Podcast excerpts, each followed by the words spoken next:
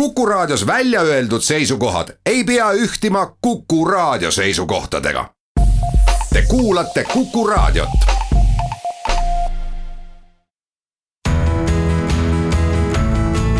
kuku Raadio nädala kommentaar.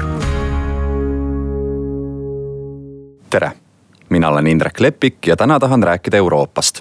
esmalt kiire ajalooline ekskurss rahvaste kevad oli tuhande kaheksasaja neljakümne kaheksandal aastal puhkenud revolutsiooniline laine, mille sugust Euroopa viimase pooleteise sajandi jooksul tundnud polegi.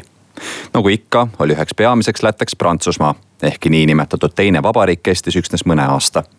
mitmel pool kadus aga päris orjusel põhinev feodaalkord ja monarhia sai päitsed pähe. ka esindusdemokraatia astus aina julgemaid samme puudutamata jäi toonane Tsaari-Venemaa, mille koosseisu veidi erilisel moel ka Eesti kuulus nagu me ajaloost teame, jõudis rahvuslik ärkamine Maarjamaale enam kui kümnend jagu hiljem. nüüd tähistame ka laulupeo saja viiekümnendat aastapäeva ja rahvusriigi loomisestki on üle sajandi möödas. mis sellest rahvaste kevadest siis enam?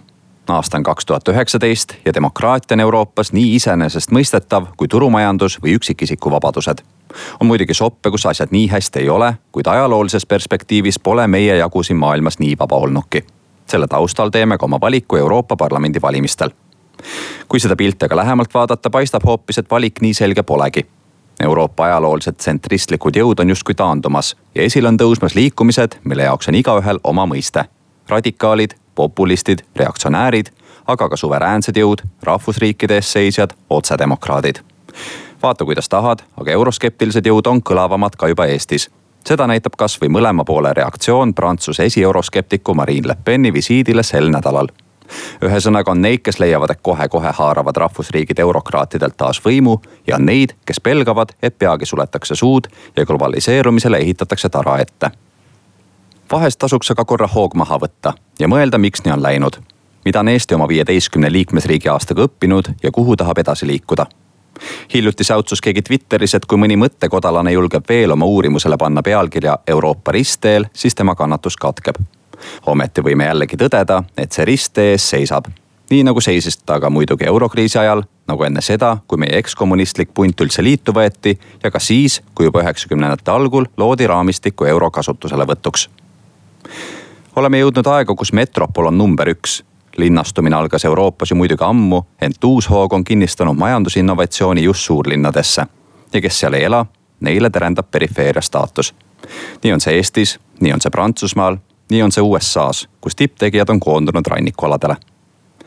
mis siis pihta hakata? lõhume selle süsteemi, mis sellist linnade liitu on võimaldanud. on see Euroopa Liidu süü, et maaelu hääbub? põllumajandustoetused on ju keskeelarve suurim kuluartikkel.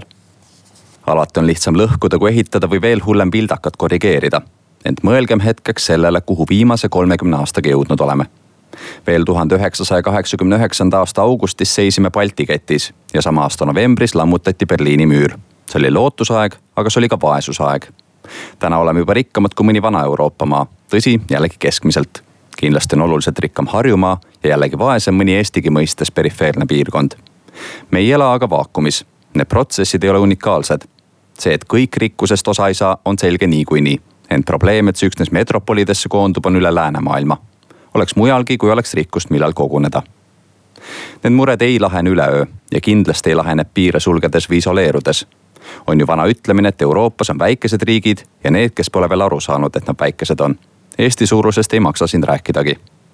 see, mis meiega juhtub nii kultuuriliselt, aga veelgi enam majanduslikult, on otseselt seotud sellega, mis meie ümber toimub. eelkõige Soomes ja Rootsis, aga nende kaudu ka Saksamaal ja mujalgi. lihtsustatult võib tõdeda, et meie elame hästi, kui meie naabrid elavad hästi.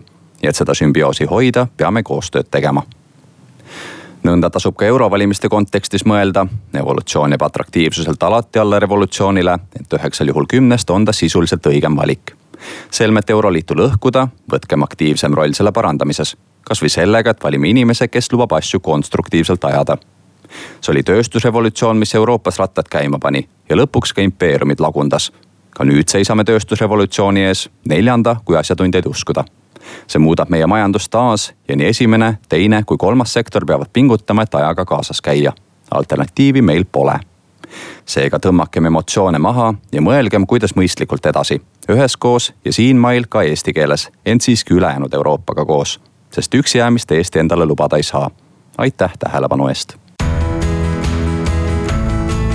kuku raadio nädala kommentaar